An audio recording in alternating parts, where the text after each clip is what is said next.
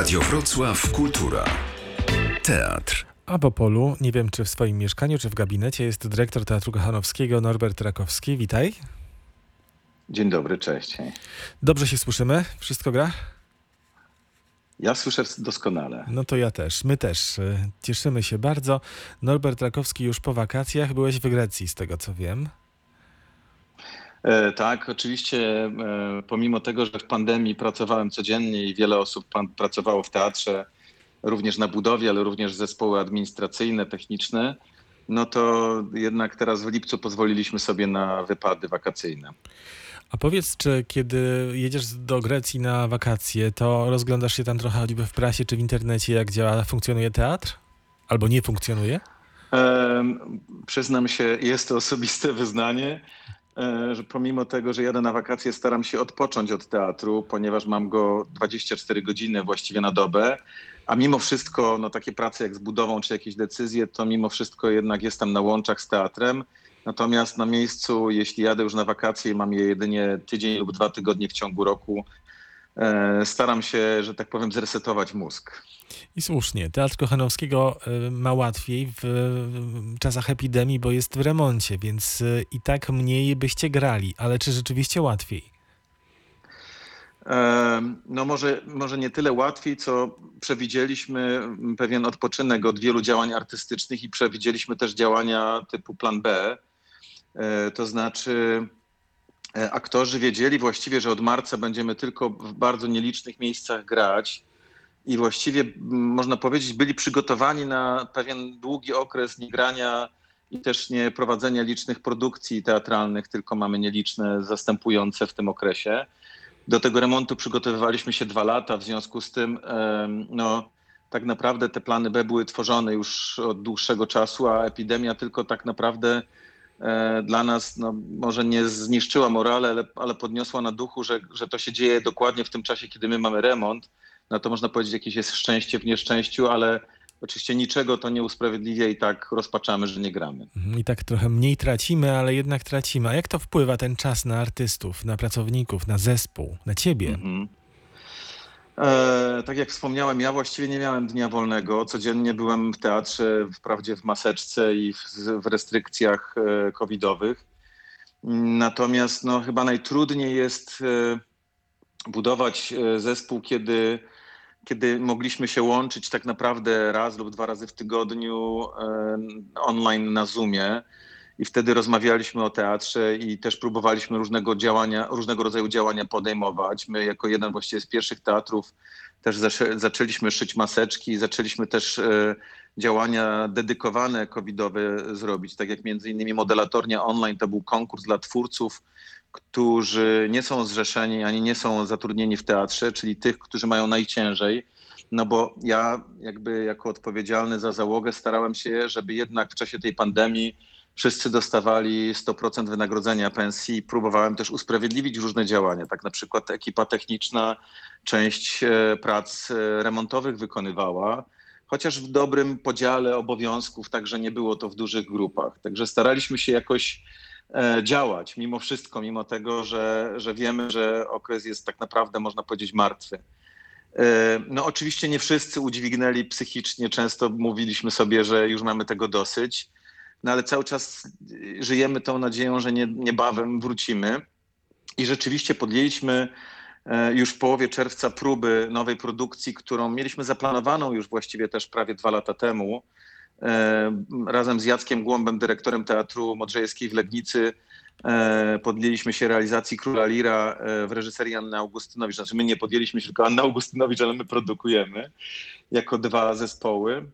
I postanowiliśmy, że dojdzie do, do tej produkcji i, no i powstały y, normalnie regularne próby, czyli odbyliśmy dwa tygodnie w czerwcu prób, y, które były oczywiście z, restrykcjami, mierzeniem temperatury, maseczkami, odległościami dwumetrowymi, a już od połowy sierpnia wracamy do następnych prób.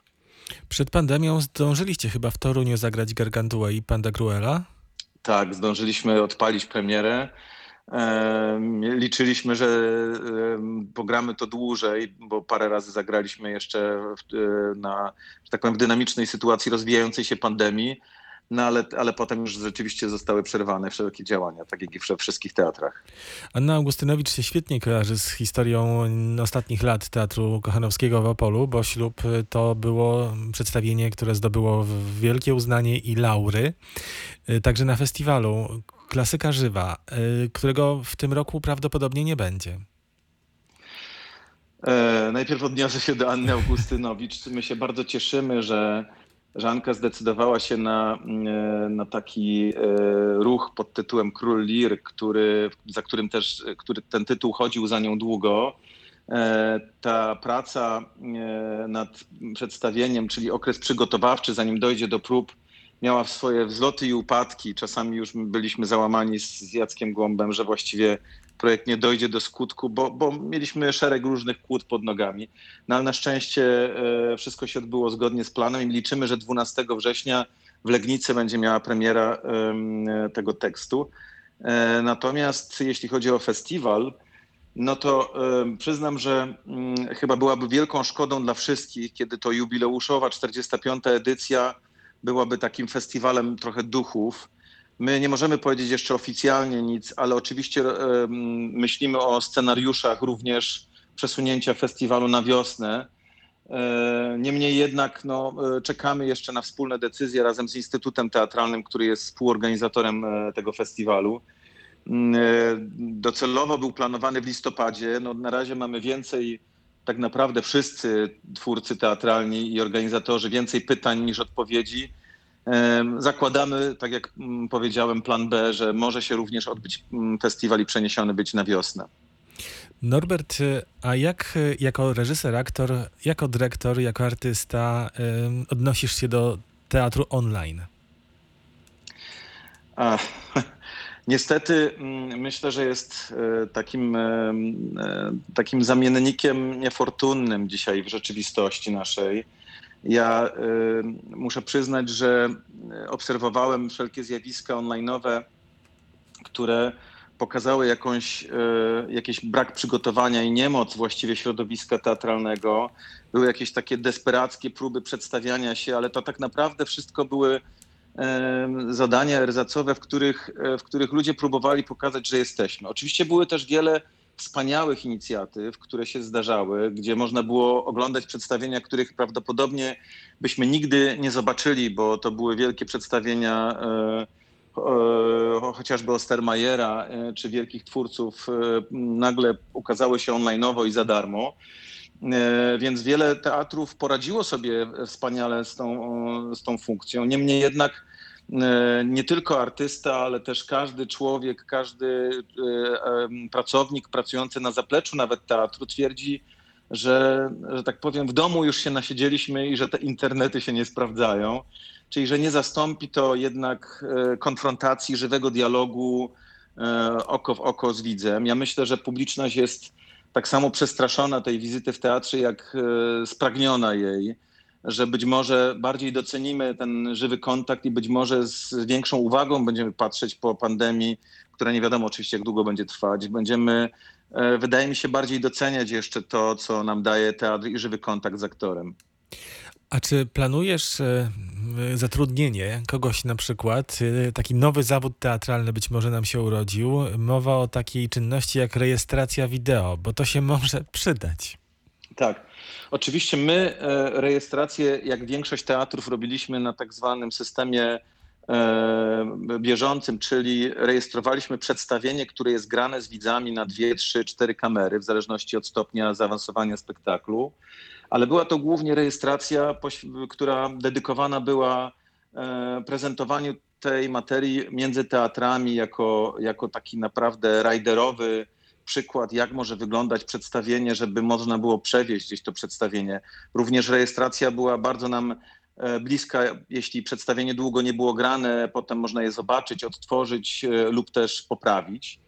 Więc to są raczej takie archiwizacje. Natomiast teraz zarówno ja, jak i wielu dyrektorów teatru, ale też twórców, e, zdecydowanie myśli o tym, by, by ta funkcja może już nawet nie rejestracji, ale nawet wymyślonej, wymyślonego, dedykowanego tak naprawdę zarejestrowania nie spektaklu, tylko nie gotowego, nie z publicznością spektaklu, tylko po prostu przedstawienia, które jest specjalnie pod kamery ustawione. E, rzeczywiście wielu dyrektorów o tym myśli, ale również wielu twórców, którzy szukają połączenia takiej fuzji języka między spektaklem e, granym na żywo i streamingowym, czyli że właściwie zarówno scenografia, jak i język jest budowany w dwójnasób, to znaczy dla jakiejś garstki ludzi e, siedzących na widowni na żywca i z kilkoma kamerami jako streaming live przedstawienia. I o tym również myślimy oczywiście i próbujemy się do tego jakoś przygotować. Jeszcze jedno pytanie takie techniczne, ponieważ e, ten imponujący budynek Teatru Kochanowskiego w Opolu, on oczywiście i rzeczywiście jest e, w troszkę już był zmodernizowany. Otworzyliście nową scenę, modelatornię imponującą. Natomiast teraz modernizujecie, remontujecie teatr po to, żeby wyglądał e, nowocześnie w całości. Ta historia e, sięga tego budynku 75 bodajże roku. Jak będzie mhm, ten tak. teatr wyglądał po remoncie za tych kilka miesięcy? Aha. Może sprostuję. Naszym głównym celem nie jest to, żeby zmienić wizerunek tego budynku, Aha. tylko żeby poprawić jakość zarówno dla widzów, jak i pracowników tego teatru, ale głównie myślimy i dedykujemy wszystkie remonty czy też modernizacje pod komfort i jakość odbioru widza, ponieważ właściwie tak naprawdę mówimy o trzech płaszczyznach remontu. Jego 80% to jest klimatyzacja i wentylacja w całym budynku, która to w roku, proszę sobie wyobrazić, w 75 roku miała być skończona ale wówczas ten budynek kończono w, dużym pośpiechu. On był naprzeciwko domu partii. Chciano rzeczywiście tym budynkiem zaimponować w, w ówczesnych czasach i był oddany e, w pośpiechu i, i wtedy nie została skończona ta cała warstwa klimatyzacji, wentylacji, która, e, którą dzisiaj właściwie dopiero mogliśmy pozyskać finanse, e, założyć nowe centrale, bo jak sam wiesz i bywałeś w tym teatrze, to po godzinie czy półtorej godzinie bycia na widowni po prostu z człowieka się leje w tych bardziej upalnych momentach, a wtedy, kiedy, kiedy było chłodniej, wtedy człowiek zamarzał. Więc to jest główny cel, żeby poprawić komfort dla widzów i oczywiście dla aktorów, którzy 10 godzin w próbach na scenie też nie dawali rady w tych temperaturach. E, to, są, to jest właśnie modernizacja trzech scen, wykluczając modelatornie. Oprócz tego jest cały park oświetleniowo-elektryczno-akustyczny, to znaczy będziemy mieli urządzenia, które będą naprawdę wysokiej jakości, jeśli chodzi o elektroakustykę i będziemy mogli dedykować e, właściwie każde siedzenie w takim samym jakościowym odbiorze dla widza.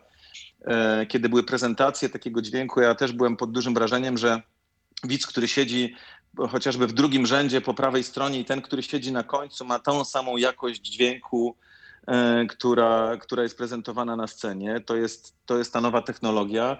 No i trzecia, to co rzeczywiście najbardziej się zmieni, o to co pytasz, co jest najbardziej imponujące, to właściwie tak naprawdę front budynku, czyli fasada, która z założenia ma być e, otwarta na park, który jest, e, który jest również zmodernizowany dwa lata temu.